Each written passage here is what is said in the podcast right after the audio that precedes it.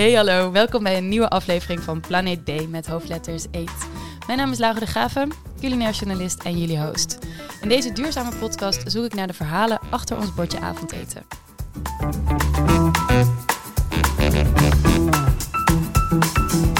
In deze aflevering gaan we in op het subthema biologisch en gaan we kijken naar pasta pesto. Dit ga ik vandaag bespreken met Harry Jansen van Eco Keurmerk en Anke Bakker van Foodwatch. Welkom aan mijn keukentafel. Dankjewel. Ja, Leuk leuk, om dat te we hier mogen zijn. Ja, Ehm, ja ik zal even uitleggen. Eh, iedere aflevering eh, bekijken we een gerecht dat iedereen, of vrijwel iedereen, wel eens een keertje eet. Dat is eh, plan A. Ehm, en samen met wetenschappers en experts zoals jullie, eh, ja, onderzoek ik eigenlijk hoe je die met kleine veranderingen een stukje duurzamer kan maken.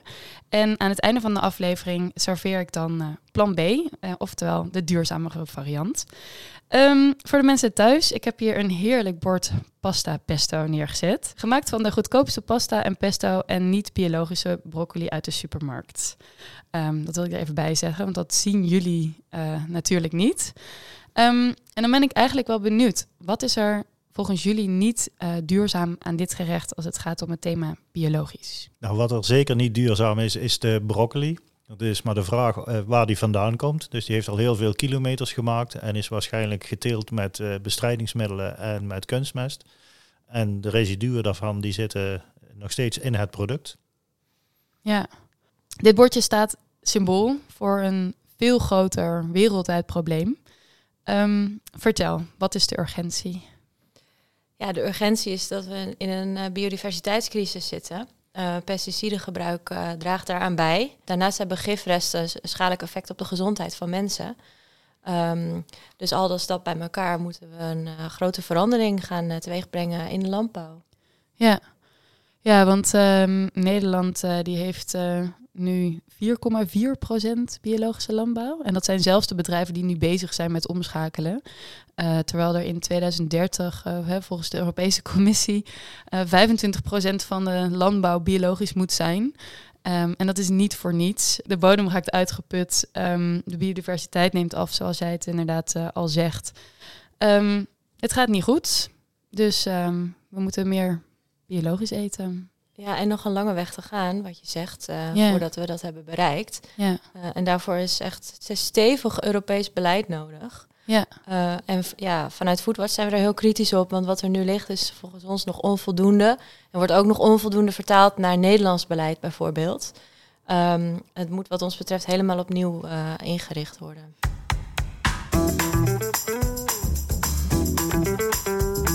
Harry, jij bent eh, van het Eco-keurmerk. Kan je mij vertellen, wat houdt dat keurmerk precies in? Het keurmerk is eh, eh, een plusnorm op, het bovenwettelijke keurmerk wat we al kennen. Het groene blaadje, dat is het Europese biologische logo. Dat, nou ja, dat, dat mag bij veel mensen bekend zijn. Het eco-logo is vroeger ontstaan in Nederland als biologisch keurmerk. En nu is dat eh, dat je ook zeker weet dat het biologisch product in Nederland geteeld is. Dus als er het eco-logo op staat, dan weet je ook dat je aan verduurzaming doet in je eigen omgeving. Wat goed, ja. Oké, Eh, want kan je mij vertellen, wat is het precies het verschil tussen gewone landbouw en biologische landbouw? Nou, het, het grote verschil is biologische landbouw eh, wordt gecontroleerd en gecertificeerd. Dat is de enige eh, vorm van landbouw, ook binnen Nederland, die echt gecontroleerd wordt door de overheid en, eh, en, en geborgd wordt. Dus als je het groene blaadje voert, dan heb je ook alle recht om het te voeren. En het grootste verschil zit hem toch wel dat de biologische landbouw, eh, die opereert volgens de IFOAM-beginselen. en om het gemakkelijk te maken naar de consument is het, wij gebruiken geen chemische bestrijdingsmiddelen en wij gebruiken geen kunstmest en wij doen meer aan biodiversiteit en dierenwelzijn. Hmm, ja, en wat vind jij op dit moment moet er veranderen als het gaat om de voedselteelt? Nou, er moet heel veel eh, veranderen, want eh, zoals jij het al benoemde, dat de, de bodem raakt uitgeput. De vruchtwisseling neemt steeds verder af, omdat de producten daar gekocht worden waar ze het goedkoopste zijn. En dus blijven er nog wat restproducten over hier in Nederland. En dat is zeer slecht voor de bodem, want die moet, eh, die moet zich ook weer kunnen herstellen. Hè. Als je biologische pasta uit Nederland zou gaan kopen, dan gaat er ook weer meer graan geteeld worden in Nederland, wat eigenlijk een rustgewas is en wat heel goed is voor de, voor de bodem en, en voor de biodiversiteit. Ja, want kan je misschien voor de luisteraar even uitleggen wat die vruchtwisseling, wat dat precies inhoudt als het gaat om biologische landbouw? Ja, vruchtwisseling pas je toe, zeg maar, als je uh, ieder jaar hetzelfde gewas, de broccoli, zeg maar, op hetzelfde stuk grond zou telen, dan wordt die grond die wordt daar moe van. Want er komen allerhande ziektes en beestjes die die broccoli heel lekker vinden en die blijven op dat perceel hangen en zorgen ervoor dat je perceel dus uh, ja, steeds slechter wordt. En wat dus vruchtwisseling is, dan heb je het ene jaar heb je broccoli en dan een keer aardappelen en dan een keer graan en dan een keer mais en dan een keer gras en dan een keer boontjes. En dan uh, kunnen die beestjes, die kunnen niet, uh, die, die, kunnen niet wennen, zeg maar. Dus die, die blijven op een aanvaardbaar niveau in de bodem. En dan kun je dus nou ja, dan kun je altijd blijven telen. En omdat wij als biologische bedrijven geen kunstmest gebruiken, vraag je, kun je ook niet meer uit die grond halen dan wat je erin stopt. Dus je houdt die bodem uh, beter in evenwicht. Uh. Mag ik okay. vragen ook? Ja, natuurlijk. Um, het helpt ook toch om meer gevarieerde teelt op één perceel te hebben, zodat um, uh, wanneer er bijvoorbeeld een ziekte uitbreekt of een plaag ontstaat, dat niet meteen de hele, de hele oogst daarmee verloren gaat, maar dat dat elkaar dus ja, opvangt als barrières, zo te zeggen. Ja, dat klopt. Dat is, maar dat is niet specifiek aan biologisch voorgehouden, maar dan heb je het ook over strokenteelt. Ja. En eh, biologische bedrijven doen dat wel heel vaak, omdat wij ook, wij kunnen niet corrigeren met kunstmest of bestrijdingsmiddelen. Hè. Dus wat er gebeurt, dat, dat gebeurt er. Hè. We, we, kunnen het mechanisch uh, bestrijden of het gewas uh, vervroegd rooien als het, uh, als het misgaat. Dus biologische landbouw past dat wel meer toe. Ja. ja. Ja, want gewone landbouw is meestal 1 op 3, toch? Dat je, dat je elk, of, of, of zelfs nog minder. Terwijl biologische landbouw vaak dat ze per acht jaar wel acht verschillende gewassen uh, telen. Zeg ik dat goed zo? Ja, dat klopt. Voor de biologische teelt is het verplicht om minimaal 1 op 7. Dus dat, 7, dat je het gewas maar één keer in de zeven jaar terug mag laten komen op een, uh, op een bepaald perceel. Ja. Ja. Hey, en welke veranderingen zien jullie uh, nu op het gebied van biologisch eten? dat mensen wel steeds uh, uh, meer bewust worden dat, dat biologisch eten ook gezonder is voor, voor hunzelf ook. En ook bewuster met hun omgeving bezig zijn. En wij zeggen ook altijd, als je biologisch eten koopt, dan koop je eigenlijk ook een stukje gezonde bodem hier in Nederland. Omdat de biologische productie daarop plaatsvindt. Waar we zeggen, die grond wordt niet uitgeput, er worden geen chemische bestrijdingsmiddelen gebruikt. En dat is voor iedereen uiteindelijk verreweg het beste. Ja, en, en de boeren, want die vinden de overstap naar biologisch uh, ja, vaak te duur op korte termijn en die willen daarom niet overschakelen. Wat, we, wat vind je daarvan? Uh, te duur wordt daar vaak als argument ge, gebruikt, zeg maar. Je ziet dat biologische bedrijven ook uh, een prima rendement kunnen, kunnen draaien, maar het is wel een, een hele mindsetverandering ook bij die boeren. Hè. Het is makkelijk gezegd, je moet maar biologisch, maar je moet, uh, je moet er ook voor klaar zijn. Je moet het ook willen, je moet het ook kunnen. Dus dat, dat valt nog niet mee ja. om, om dat te doen. Maar het rendement is er wel. Maar we hebben de consument nodig. Mm. Want als die consument in de winkel maar gaat vragen naar biologische producten en het daar ook gaat kopen, dan wordt het ook wel geproduceerd. Ja. Dus we hebben elkaar wel nodig, zeg maar, om, uh, om die 25% uh, te halen. En uh, we kunnen niet naar elkaar gaan zitten wijzen, want dan gebeurt er niks. We zullen allemaal aan de slag moeten. Ja, ja. ja. ja dus inderdaad, als je uh, dit bordje eten wat wij nu voor ons hebben staan, daar kan je als consument echt andere keuzes in maken door in de supermarkt dus wel biologische broccoli, wel biologische pasta en, of, en pesto te, te kopen. Ik noem dat altijd stemmen met je vork. ja, ja. En uh, dat kan inderdaad, uh, mooi gezegd, uh, dat kan iedereen. Ja. ja, wel een kleine kanttekening, want misschien hebben we het er straks nog over, maar de prijs is natuurlijk wel een groot verschil. Ja. Um, en dat is niet voor iedereen weggelegd om compleet biologisch te winkelen. Um, dus ja, ik denk het is zeker niet de bedoeling dat we naar elkaar wijzen, want zonder dat er actie komt, een grote verandering kan wat Foodwatch betreft pas echt ontstaan als er streng beleid komt, vooral vanuit Europa. We hebben bijna 60 miljard aan Europese landbouwsubsidie. En als we dat veel beter verdelen door biologisch te stimuleren en dat die prijs ook naar beneden kan en dat, dat uh, gifgebruik gewoon veel duurder wordt, ja. uh, dan denken we dat we pas echt grote stappen kunnen maken. Ja, ja want jij werkt uh, voor Foodwatch, dat je, zoals je net al even zei. Wat doe je daar precies? Nou, ik ben campaigner ehm, en uh, ja, ik voer actie uh, voor eerlijk, gezond en veilig voedsel. We zijn een consumentenrechtenorganisatie. Um, we komen niet alleen op voor, voor, voor, voor schoon eten zonder pesticidenresiduen, maar ook bijvoorbeeld tegen minerale verontreiniging vanuit verpakkingen bijvoorbeeld.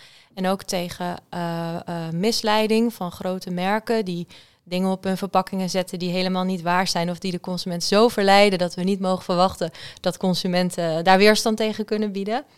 Um, ja, daar zetten wij ons voor in door bijvoorbeeld uh, um, actie te voeren met mail, uh, met protestmails of petities. Uh, we lobbyen bij overheden.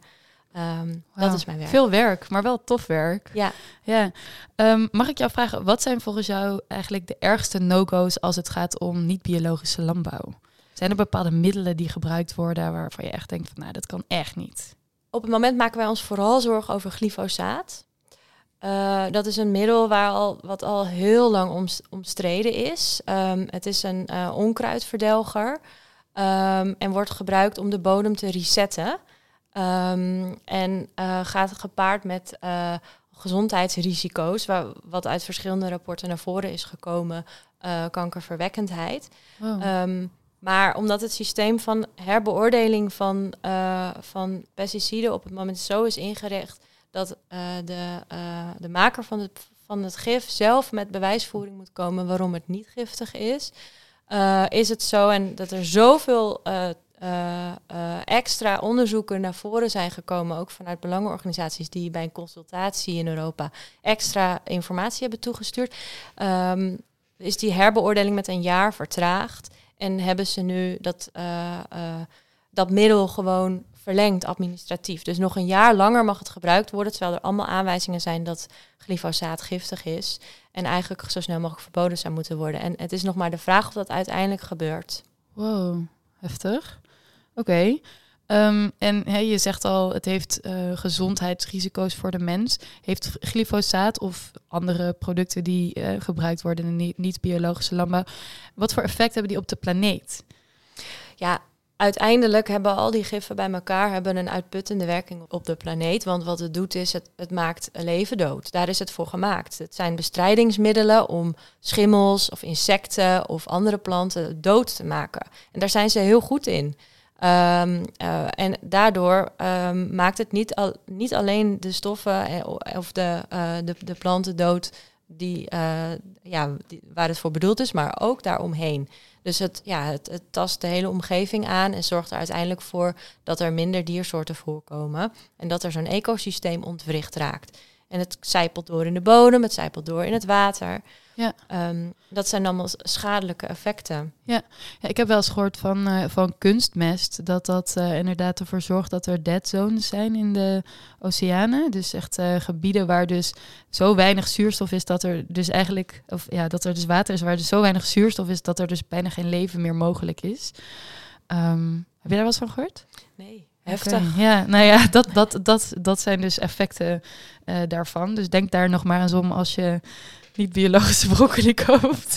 Ja, ik, ik, ik wou er nog op aanvullen, want wat, wat wij altijd zien is alles wat er boven de grond en inderdaad op het water, uh, dat zien wij. Ja. Maar die middelen hebben ook een enorme impact in de grond. En in, uh, in de flora en fauna die in de grond zitten is vele malen groter dan wat, er, uh, wat wij boven de grond zien.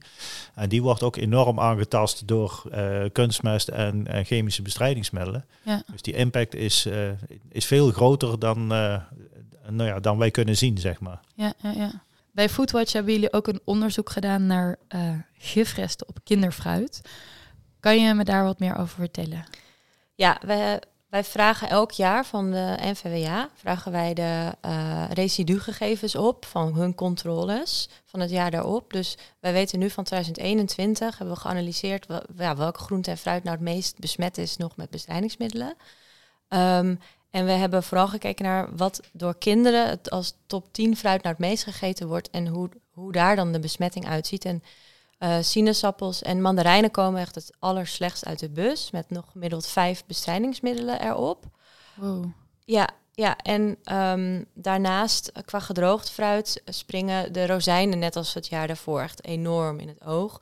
daar is zelfs sprake van elke bij gemiddelde monsternamen 18 verschillende soorten bestrijdingsmiddelen. En zelfs één monster bij de Jumbo bleek het om 39 soorten te gaan.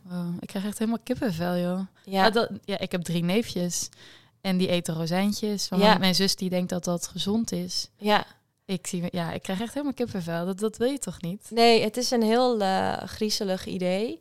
Ehm, en eh, ja, wij adviseren ook om zoveel mogelijk voor biologisch te gaan. Ja, Ehm, er zijn allemaal normen, er zijn wet- wettelijke normen hoeveel resten er per gifstof op mogen zitten.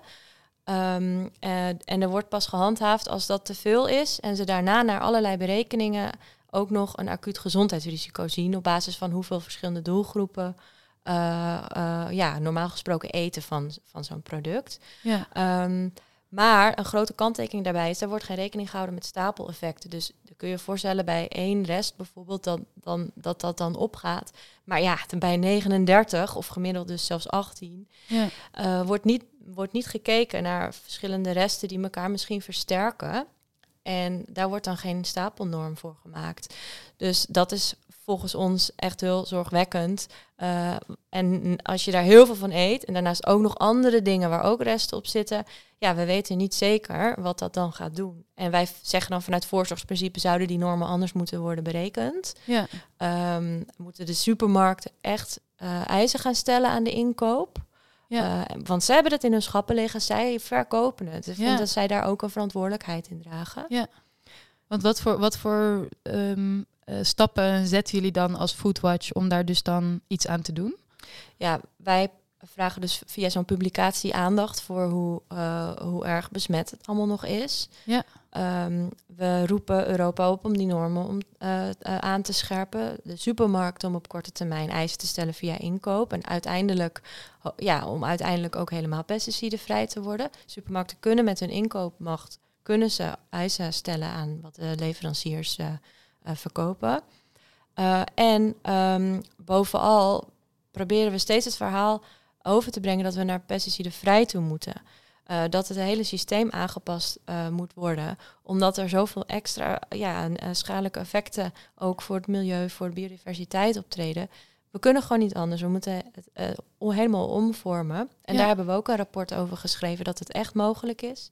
Per gewas, voor fruit is het wat moeilijker, dus die komen aan het eind aan bod. Maar we zouden, als we alle, alle middelen en al het beleid op de goede manier inzetten, dan zouden we in 2035 in Europa pesticidenvrij kunnen verbouwen. Oh, nou, dat is goed nieuws. Ja, ja, we moeten wel echt aan de slag. Ja, we moeten wel echt aan de slag. En boeren moeten ook echt eh, veranderen. Hè? Want ja, ik, dat, ja, ik hoor dus heel vaak, ik, ik ga veel op bezoek bij boeren.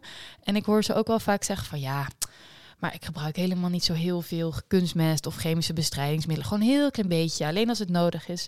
Ik ben benieuwd, hoe sta jij daarin? nou ja, als het echt niet anders kan, in een uiterst geval, kan ik me voorstellen dat je eh, dan toch eh, een, eh, een, een, een, eh, een bestrijdingsmiddel inzet. Maar alleen nadat alle andere dingen zijn uitgesloten en in een context waarbij preventie voorop staat. Dus ja, met wisselteelt, met, met, met bloemenstroken, met gevarieerde teelt, ehm, met sterke gewassen.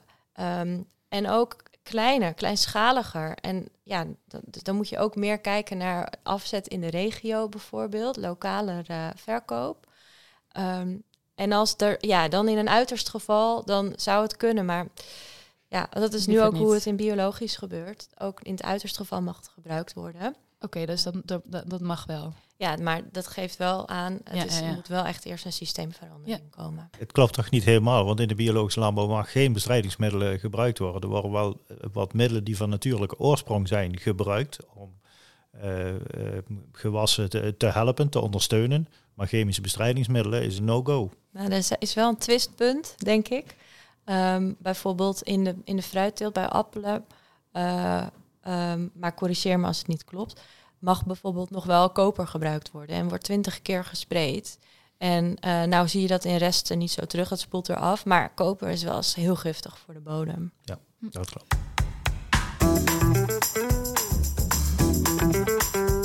Oké, nou, ik heb nog even een paar eh, kritische noten die ik eh, verder vaak hoor als, ik, eh, als het gaat om biologisch. Namelijk biologisch vlees. Dat is best wel een lastige als het gaat om duurzaamheid. Weten jullie daar iets van? Ik nam een slok water, toen besefte ik me dat mag niet. En toen had ik je vraag niet gehoord. Uh, nou, dan ga ik hem jou Sorry. stellen, Harry. Want uh, jij uh, hebt vroeger een, een, melkveebedrijf gehad. Kan je mij vertellen hoe dat zit met biologisch vlees als het gaat om duurzaamheid? Nou, biologisch vlees is, is duurzamer. Zeg maar. Je kunt altijd de discussie stellen van wanneer eet je het meest duurzaam, zeg maar, of dat plantaardig of dierlijk is. Wij zeggen altijd het is een, een samenspel van plantaardig en dierlijk. Want je hebt elkaar uiteindelijk wel nodig. Ja. En wat je ziet bij de, de biologische melkveehouderij, die zitten ook vaak uh, richting natuurgebieden of gronden die niet geschikt zijn voor, voor akkerbouw, voor de broccoli te telen, zeg maar. Dus daar kun je prima dieren op uh, laten lopen en grazen om, om vlees te winnen. Die dieren produceren ook weer mest, wat dan weer grondstof is voor de akkerbouw, zeg maar, om die gewassen te laten groeien. En zolang dat in evenwicht is, dan gaat dat prima. En we zien nu zelfs in de biologische sector in Nederland dat er nog steeds een tekort is aan biologische mest. Dus uh, in Nederland hebben we in ieder geval nog niet te veel biologische dieren, uh, om, het, om het zo maar te zeggen. Dus het is een samenspel van. Ja. En je moet natuurlijk wel opletten dat je niet zoveel dieren gaat houden hier in Nederland, mm. dat, dat je het vlees moet gaan exporteren. En uh, je niet weet waar je met de mest uh, naartoe nee, moet. Dus dat, dat, dat samenspel, dat moeten we in, in de hand houden. Ja, ja want dat is inderdaad wat, wat, uh, wat je vaak hoort, is dat ze zeggen van ja, biologische dieren hebben natuurlijk meer landoppervlak nodig. Die leven langer, die eten meer voedsel, gebruiken meer energie, die schijten meer. dus hè, ja, daarom zou het dan minder duurzaam zijn. Maar ik vind het mooi wat jij zegt. Inderdaad, um, als je biologisch vlees, dat heeft wel oog voor uh, het behoud van ecosystemen. En, um, en daarbij is natuurlijk een stukje dierenwelzijn uh, ook wel heel belangrijk.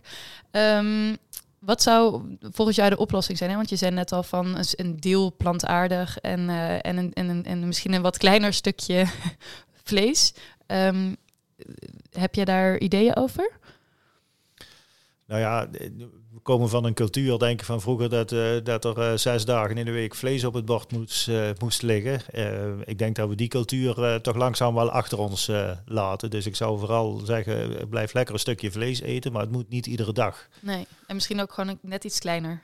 Nou het kan of, of, iets, ja, of iets kleiner. En dan komen we weer, als je dan naar de, naar de kostprijs gaat kijken, dan zeg je biologisch vlees is duurder. Nou, de, de winkeliers maken het ook vaak duurder dan dat nodig is, om het zo maar te zeggen. En als je dan een iets kleiner stukje pakt, dan ben je prijstechnisch net zo ver als dat je een, een, een groot stuk gangbaar vlees pakt. Ja. En dan draag je nog iets bij aan, uh, aan je omgeving. Dus uh, alleen daarvoor zou je het al moeten doen. Ja, ja het, het Wereld Natuurfonds die zegt liefst dan één tot max twee keer per week. Dus, ja, ik, ik heb het niet doorgerekend. Het lijkt mij, lijkt mij aan de weinige kant, maar als hun dat doorgerekend hebben, zal dat best kloppen. Ja. Um, dan wordt er ook wel eens gezegd dat biologisch eten niet de oplossing is om de wereld te voeden, omdat het veel land en water zou verbruiken. Hoe staan jullie daarin? Ja, dat is een typisch argument van uh, de grote industrie die uh, het allemaal zo graag zo wil houden zoals het nu is, vrees ik. Ja. Uh, want ja, het, het kan zeker weten als we het anders inrichten. Want op dit moment is slechts 23% van het oppervlak wat we voor landbouw gebruiken, is voor directe menselijke consumptie. Want ja, wat je, wat je net zei, groot deel, de rest is dus voor, ja, voor het verbouwen van, uh, van, van voeding wat voor dieren bedoeld is. Um, dus ja, dat is super inefficiënt en ook heel oneerlijk. Um, en dat, dat, dat moeten we eigenlijk omdraaien. Ja, Um, dan heb ik nog één laatste kritische noot. Er wordt vaak gezegd dat biologisch eten te duur is. Is dat ook zo volgens jullie? En hoe komt dat? Nou, ik, wat ik net al zei, ik denk niet dat het, uh, het is zeker niet te duur. Um, het, is, het wordt het eigenlijk nog steeds onder de kostprijs, bijna onder de kostprijs geproduceerd. Om, maar de, de verdeling in de keten klopt nog steeds niet. En toen straks is het ook al benoemd, de, de gezondheidskosten die het allemaal met ons meebrengt en de milieubelasting, waar we allemaal last van krijgen en uiteindelijk ook aan betalen. Als dat een stuk minder wordt, dan zul je zien dat het eten eigenlijk een stuk goedkoper eh, is. Maar eh, de kost gaat voor de baat uit. Dus als we nu eerst allemaal biologisch gaan eten, dan zijn we iets duurder uit. Maar je zult zien dat in de gezondheidskosten en de milieukosten we enorme besparingen gaan maken. Ja, mooi gezegd. Ja, eigenlijk moeten we het andersom stellen. Uh, niet biologisch eten is gewoon schandalig goedkoop. Want er wordt niet in doorberekend uh, wat voor effecten uh, het allemaal heeft voor de gezondheid, voor het milieu. Ja. Um, en die kosten zouden eigenlijk doorberekend moeten worden in de prijs van niet biologisch eten. Ja, um, ja dan wordt het veel duurder. Ja. En dan stimuleert dat mensen ook weer om niet voor die optie te gaan. Ja. Ja, dat wordt ook wel de true cost uh, genoemd, inderdaad. Hè? Ja, ja en, en de consument zou er helemaal bij gebaat zijn als er op, op, op de verpakking komt te staan. Uh, hier is wel pesticide voor gebruikt. Of dit is een pesticidenproduct. Hmm. Dat zou eigenlijk uh, eerlijke ja, voorlichting zijn. Want nu, het is toch de omgekeerde wereld dat boeren die, die een mooi product maken waar geen bestrijdingsmiddelen bij gebruikt zijn, dat die op een verpakking dat moeten aangeven. Terwijl eigenlijk zou dat normaal moeten zijn. En zouden we toch eigenlijk willen dat er dus op staat, dit is een pesticidenproduct, als het niet zo is? ik zie het al helemaal voor maar dat op dit broccoli die ik hier voor ons op tafel zitten, dat er dan heel groot staat, pesticiden. Nou ja, ja. We, we, hebben het op de pakjes sigaretten ook uh, zien ontstaan. En waarom zou dat bij voedsel uh, niet kunnen? Want wij zeggen ook wel, eigenlijk zou je het inderdaad helemaal om moeten draaien. Zeggen biologisch is de norm. Want eigenlijk is het ook heel raar dat je bedenkt dat biologisch voedsel is beter voor de mens, voor de dieren en voor de omgeving. En wij betalen onze eigen certificeringskosten ook nog. Dus om het allemaal geborgd en gecertificeerd te krijgen, ja. uh, maken wij ook nog ieder jaar uh, heel veel kosten om, uh, om dat allemaal hard op papier te krijgen. Dus als je het nu omdraait, hebben wij ook al gezegd, biologisch is de norm. En als je dan gangbaar wilt telen, nou, dan moet je dan maar via certificering en borging aantonen dat je dat nodig hebt om je bedrijf of je product überhaupt in, in de supermarkt te krijgen. Dan hebben we een heel anders uitgangspunt. En dan gaan we een hele leuke dynamiek krijgen hier in Nederland. Zeker, ja. Nou, mooi. Um, voor mijn plan B uh, ging ik op stap met Freek van der Vlist. Hij is uh, naast biologisch chefkok, is hij ook wildplukker. En samen met hem ben ik op zoek gegaan naar de schatten van onze natuur tijdens de ultieme vorm van biologisch eten. Laten we gaan luisteren.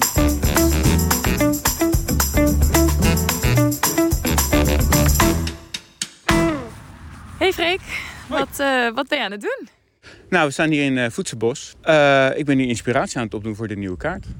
Dus ik zit hier een beetje naar plantjes te zoeken die ik kan gebruiken. je ziet hier enorm veel planten op de vierkante meter. Hier groeit echt van alles. hier zie je bijvoorbeeld een, een, een boom, een boompje. dat is dus een uiensoepboom. Als je de bladeren van plukt, dan smaakt het naar uiensoep. Dus echt, dat is enorm interessant om daarmee te kopen. Uh, ja, dat zie je verder nergens in de natuur, wel op, op het voedselbos. Dat is echt super leuk. Je ziet hier palmkool groeien. Uh, goudsbloemen wat je kan eten. Uh, wat zie je nog meer? Lavas zie ik. engelwortel, daar gebruiken we de wortel van. Daar maken we bijvoorbeeld, kunnen we ijs van maken. Als, als de wortel groot genoeg is. Dus zoals je ziet, echt elk plantje, daar kunnen we wel iets mee. Ja, super gaaf. Want jij bent chef bij restaurant De Kleischuur in Gouda. Ja. Um, en, en je hebt daar eigenlijk gekozen om zoveel mogelijk voor lo ja, lokale producten, maar ook hè, vooral biologische producten te kiezen. Ja. Waarom biologisch? Uh, ten eerste zit er geen gif op. Uh, dat, is, dat is gezond voor, voor de insecten, voor, eigenlijk voor alles voor de grond. Uh, het tast niks aan, het maakt niks dood. Het is ook gezond voor jezelf, want je krijgt zelf geen gif binnen. Ja.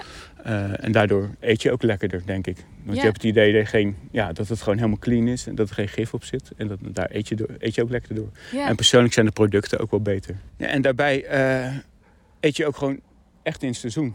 Dus wat op dat moment groeit, dat is er ook. Dus je hoeft niks te laten, te laten overvliegen. En uh, je wordt er ook enorm creatief door. Want de middelen zijn wat beperkter, maar daardoor word je ook wel creatiever. Dus juist goed om af en toe in een hokje te zitten en in dat hokje enorm creatief te werken. Ja, creatieve chef. Ja, ja, ja, ja, ja zeker. Ik wil graag een pasta pesto maken met biologische ingrediënten. Kan jij me daarbij helpen? Jazeker. Uh, nou ja, de mogelijkheden zijn uh, legio. We hebben hier echt heel veel groeien.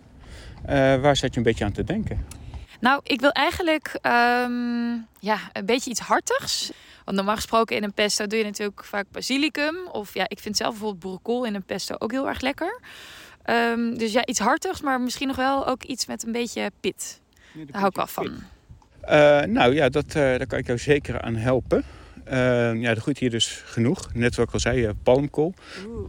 Maar weet je wat ook leuk is? Misschien Oost-Indische kers. Oké. Okay. dan gaan we dan even op zoek naar de Oost-Indische kers. Ja. Volgens mij zie ik hem daar, tussen de goudsbloemen. Oké.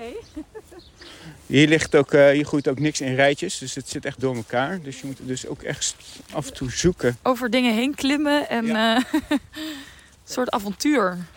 Ja, weet je wel hè. Ja. Kijk, hier zie je dus de mooie ronde bladeren. Oh, gaaf. Wauw.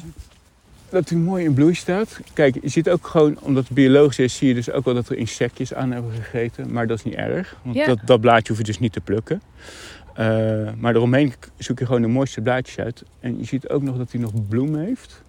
Die zijn er ook lekker dan. Die kan je mooi je, je pestootje of je pastaatje mee garneren. En als je een beetje mazzel hebt, heeft hij ook nog zaadknopjes. En daar kan je weer kappertjes van maken. Even zoeken hoor. Want het, zijn, het is eigenlijk een prachtige plant met een beetje ja, oranje, gele bloemen. En gebruik, je, gebruik ik voor de pesto nou de bladeren of de bloemen? Ja, als creatief chef zou ik zeggen, ik kan beide. Maar ik zou uh, voor het uh, blad gaan. Dat is, okay. wel, dat is wel het makkelijkste. Anders ja. heb je echt heel veel bloemen nodig. Ja, want dat blad is echt uh, mooi rondvormig. En het lijkt een beetje alsof er een ster hè, op ja, zit ja. in het midden. En dit smaakt dus een beetje radijsachtig. Oh. Nog met een scherp randje. Tegenwoordig zijn bij de meeste radijsjes dat scherpe randje er allemaal uitgekweekt. Ja. En met wildpluk hebben we dus dat niet. Dan heb je echt nog de originele smaak. Hier hebben gewoon geen mensen aangezeten. Mm. En dit is gewoon nog de smaak zoals het uh, heurt. Zoals het heurt. Mag ik het proeven? Jazeker, ik ga een klein blaadje opzoeken. Ik heb hier een blaadje voor jou. Mm. Ja, het is echt lekker pittig, hè? Ja. Heb ik hier nog een bloemetje voor je? Die kan je ook gaan eten. Oh. Mm. Ik heb van de bloemwerk wel eens een keer uh, een kimchi gemaakt. Dat was ook superleuk. Oh joh. Ik denk dat ik een keer bij jou kom eten. ja, sowieso. Uh, kijk, dit zijn nog bloemknoppen. Wow. Heftig, hè? Bloem is ook lekker, zeg. Sappig. Nou, die... Uh, Pittig? Hoe? die gebruiken we ook als amuse. Dan vullen we de, de kelk, zeg maar, met, een, met iets. En dan ja. heb je gewoon een heel klein amusetje. Super gaaf. Echt tof, joh. Te gek. Nou, hier kan je dus prima een uh, pestootje van maken. Ja. En ook wel echt top, want het is nu gratis eigenlijk. Ja, ja. ja dit groeit overal. Nee. En het groeit ook keihard. Ja. Dus het is echt niet erg om hier wat van mee te nemen. Het groeit gewoon weer aan. Ja, want veel mensen denken bij biologisch altijd dat het is heel erg duur. Maar het hoeft dus eigenlijk niet zo te zijn. Nee, als je tijd en een, creatief, een beetje creatief en tijd hebt, dan uh, is het niet duur. Ja, ik vind het echt super tof. Uh, want ik ken eigenlijk niet zo heel veel chefs die volledig biologisch zijn. En daar ook echt hè, volledig voor uitkomen. Um, maar ik vraag me dan wel een beetje af. Want ja, ik heb toch bij echt zo dat pure biologisch... toch wel vaak het idee dat dat dan ja, geitenwolle sokken zijn. Zijn dat dan ook mensen die bij jou in je restaurant komen? Uh, zeker niet. Nee, ik uh, denk dat de mensen met geitenwolle sokken een beetje zijn uitgestorven. Oké. Okay. ja, ik kom ze echt niet meer tegen. Ik kom oh. juist echt heel veel, uh, wel veel jonge mensen tegen. ja, twee verdieners. En, en die eigenlijk wel heel erg nieuwsgierig zijn wat dat nou inhoudt, dat, dat biologische eten lokaal. En, en die zijn altijd heel erg verrast wat je eigenlijk gewoon in je directe omgeving, wat er eigenlijk al van eetbaar is. Want de meeste producten die ik haal, dat komt toch altijd wel allemaal uit. Uh, probeer ik zoveel mogelijk uit Zuid-Holland te halen. Ja. En daar komt eigenlijk al genoeg vandaan. Dus dat is echt. En de mensen vinden het echt helemaal geweldig. Hmm. Dus eigenlijk juist de jonge, hippe tweeverdieners die uh, bezig zijn met de natuur en, uh, ja. en het belangrijk vinden om ook gezond en. ja, het lijkt net of die generatie echt, echt Aan meer. Is. Ja. Ja. ja. Ik ga lekkere pesto maken met, met deze producten. En um, ja, dankjewel. Laten we nog even gaan plukken. Ja, kom. Ja, ik ben... Uh, wat vonden jullie ervan? Leuk, ja. leuk verhaal. Ja. De, de echte enthousiasme wat, uh, wat, ja, wat hij uitstraalt en wat hij ook over wil brengen naar de, uh, nou ja, naar de consument, zeg maar. Of diegene die in ieder geval bij hem in het restaurant eet. Ja, ik vind, vind het fantastisch. Dit soort initiatieven hebben we nodig. Ja. Heel creatief. Hij probeert daar alles uit te halen. Hebben jullie zelf wel eens wild geplukt? Nee, eh, officieel mag het ook niet, hè? Het is in Nederland verboden. Eh, dus ik vind het super interessant. en eh, in zijn geval ook... Hij heeft ook een, het is ook een voedselbos, dus ja. dat is natuurlijk net iets anders dan Ja. echt helemaal in het wild. En ik Ja. denk, ja. Ja, want het is natuurlijk zo, dat is niet bespoten, het komt uit de vrije natuur. Maar daar ja, vraag ik mij wel van af, als, als het wordt steeds populairder, als iedereen dat gaat doen, dan blijft er geen bloemetje meer over. Want ik kan me voorstellen als je wel bijvoorbeeld ehm, eh, wat vaker brandnetels eh, plukt, want dat is natuurlijk dat, dat, is in overvloed. Ehm, maar ook dan zou ik bijvoorbeeld in Amsterdam oppassen waar je, waar je dat doet, in welke berm, want de bodem is vaak vreselijk verontreinigd. Eh, en ik weet niet hoe wat voor uitwerking dat dan heeft in de plant als je die gaat wild plukken. Ja, maar goed, er zijn natuurlijk ook wel ehm, bomen bijvoorbeeld, zoals vlier, bloesem of magnolia. Ja, als dat, als dat, dat wordt anders, valt dat op de grond en verdort het, zeg maar, als dat niet wordt geplukt. Dus dat, is, dat kan je natuurlijk wel gewoon lekker eh, plukken als het er is. Toch? Ja, maar het, moet wel allemaal eh, in, in, balans blijven. Dat vinden wij als biologische sector van belang. Want als je al die bessen plukt, Ja. dan hebben de vogels niks. En die brengen ook niet de zaadjes weg. Dus dan krijg je ook geen nieuwe planten. Dus het moet altijd een samenspel eh, zijn van. En wat die Ja. chef-kok ook zei, hè, je plukt wel wat, maar je plukt ook niet alles weg. Nee. En, en zo moeten we het met z'n allen doen. En die voedselbossen die komen uit de grond. Eh, we zien pluktuinen zien we ontstaan.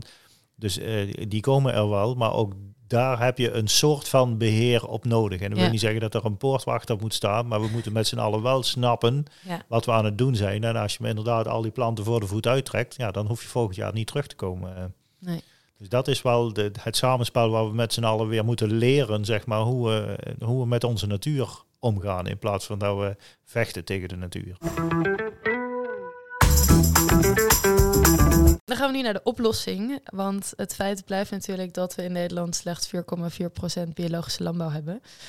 Hoe kunnen we dat switchen? Wat kunnen mensen thuis praktisch doen, volgens jullie?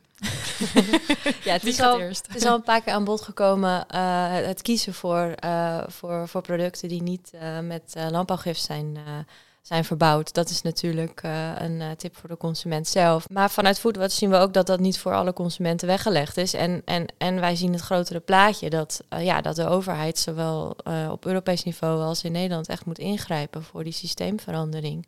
Ja. Het eh, eerlijker beprijzen van eh, producten. Want hebben jullie nog tips voor eh, luisteraars die wel biologisch willen eten, maar niet zo'n groot budget hebben? Nou ja, wat wij altijd zeggen, je hoeft niet per se alles biologisch te kopen als dat niet in je portemonnee eh, past. Maar eet, eh, eet vooral met het seizoen mee, dan zul je zien dat die prijzen ook eh, aanvaardbaar zijn. En als we met z'n allen nou eens beginnen met enkele producten in de week biologisch te eten, dan maak je al een heel groot verschil. En het, je hoeft niet helemaal om naar, naar biologisch. Dat, ik, hoop dat dat vanzelf komt. Dat je op een gegeven moment zegt van nou, hè, de, de smaak is prima en dat past bij mij en bij mijn levensstijl. Eh, heel graag, maar eh, het moet niet zo zijn dat alles in één keer op moet. Begin Nee. gewoon met, met bepaalde producten. Ja, want sommige producten zijn ook echt maar 10 of 20 cent duurder of zo als ze biologisch zijn. Dat ik denk van ja, weet je, melk of bloem of eh, dat, dat, dat zijn nou niet de, de, ja, dat is niet super duur of zo. Wat mij trouwens opviel ehm, in de supermarkt is dat ook heel vaak de aanmerken, dat die vaak duurder zijn nog dan biologische merken. Dus als je, als je luistert en je koopt vaak aanmerken, eh switch het dan voor biologisch, want dan ben je en goedkoper uit en dan Ja. doe je ook nog eens wat goed voor de natuur. Ja. Ja. ja. Maar goed, als, ja, dat gaat natuurlijk ook niet voor alle mensen op. zijn echt mensen die echt heel erg op de kleintjes moeten Ja. letten. En die alles, eh, eh, voor alles de goedkoopste opties eh, moeten, moeten uitkiezen. Alles wordt steeds duurder. De inflatie rijst de pan uit. Ja. Eh, dus ja, het is ook heel begrijpelijk dat dat mensen niet lukt. Ehm, mijn tip is dan ook eh, eentje heel dichtbij eh, bij, bij Foodwatch. Want eh, je kunt ook opkomen voor je, voor je recht als consument. En ja, wij doen dat namens consumenten. Dus het begin is ook, kijk, ja, wij hebben een nieuwsbrief, daar houden we mensen op de hoogte wat we doen, wanneer mensen een handtekening kunnen zetten en kunnen eisen wanneer er beleid is dat dat aangescherpt wordt. Dan kun je, ja, buiten eh, wat je, hoe je zelf je keuzes maakt in de supermarkt, kun je ook opkomen voor je rechten via, via ons. Mooi, goede tip. En, en als we meer biologisch gaan eten met z'n allen, dan zul je ook zien dat de logistieke kosten nog een stuk omlaag kunnen. Want die zijn nog relatief hoog. Hè. Je noemt het al, het is maar 4,4% van, eh, van het Nederlands areaal. Als dat eh, flink omhoog gaat, dan gaat de logistieke kosten voor biologisch nog omlaag. Dus dan zal dat prijsverschil zal nog kleiner worden. En, als, en als dan hoop ik dat de overheid daar ook in meegaat, dat ze die milieubelasting en gezondheidskosten doorrekenen op de gangbare producten, Ja. dan is het probleem zo opgelost. Nou, top. Ja, je ziet ook steeds meer op eh, bepaalde producten eh stickertjes staan van hè, CO2-neutraal of eh, beter voor eh, de dier, mensen en milieu. Wat vinden jullie daarvan? Ja, het is prachtig. Iedereen mag stickertjes printen zoveel als die wil. En die mag je op die verpakking plakken. Maar zoals ik er straks ook al zei, wij zijn de enige die gecertificeerd en geborgd worden door de overheid. Dus wat wij op de verpakking zetten, dat zit er ook in of zit er niet in, laat ik het zo maar zeggen. En eh, gangbaar heeft die controle in principe niet. Nee. Dus ehm, Ja, producenten zijn eh, heel creatief met die verpakkingen altijd. De mooiste labels. Ze verzinnen zelf allemaal hele mooie certificaten en eh, quotes. Waar ze allemaal wel niet eh, eh, op letten. Maar dat wordt niet gecontroleerd. En Nee. eh, het kan gewoon holle inhoud zijn. biologisch eten dus. En liefst met het eco-keurmerk stickertje erop. dan, heb je, dan heb je echt Dan het heb je- Neder, echte Nederlandse product. Dus als het kan bio, of eigenlijk als het kan het eco-product en zo niet dan bio. Nou, daar sta ik echt helemaal achter. Ja. Biologisch en lekker lokaal. Nou, ondertussen is hier een eh, heerlijk bord met eh, pasta pesto eh, op tafel gezet. Ehm, met een pesto gemaakt van de Oost-Indische kers die ik gratis en voor niets met Freek heb geplukt. Er zit een beetje biologische olijfolie en biologische walnoten door. Die heb ik eh, gemixt in de keukenmachine. En ik moet zeggen, ja, ik vond het echt super leuk om te doen. Zowel het plukken met Freek als zelf die pesto maken. Ehm, maar goed, ik kan me voorstellen dat sommige mensen natuurlijk niet die tijd hebben. En eh, ja, nou ja, dat. En eh, dat die denken van, ik ga gewoon lekker naar de supermarkt toe. Als je daar dan bent, koop dan een potje biologische pesto. Want dat is natuurlijk ook eh, hartstikke goed voor het milieu. Ehm, ja, ik zou zeggen, zullen we een hapje gaan prikken? Ja, het ziet er heerlijk uit. Het ruikt ook heel lekker. Doe graag mee. Oké. Zitten geen pesticiden op, jongens. Jullie kunnen gerust eten. Ik heb dat gesmak in de microfoon. Vind je hem lekkerder? Ja, ik vind hem lekkerder. Ja, je proeft het verschil. eh, Ja. Smaakvoller en je hebt meer beet in het product. Heerlijk. Ja. Mm. Fijn. Ja, ik, ehm, ik moet heel eerlijk zeggen, ik eet deze pasta ook echt met een veel beter gevoel. En ehm, helemaal naar het verhaal wat ik nu net van jullie heb gehoord, ga ik voortaan eh, alleen nog maar biologisch kopen. Ja. Ja. Dank jullie wel, Anke, Harry. Echt super fijn dat jullie er waren en eh, dat jullie eh, jullie kennis met mij wilden delen en met de luisteraar. Ehm, ik denk dat we nu alles weten ongeveer over biologische landbouw, wat er, wat er te weten valt. En lieve luisteraar, blijf vooral ook luisteren, want in de volgende aflevering ga ik in op het thema lokaal eten en eerlijke handel. En gaan we bekijken hoe we appeltaart en een kop koffie een stukje duurzamer en lekkerder kunnen maken. Tot dan.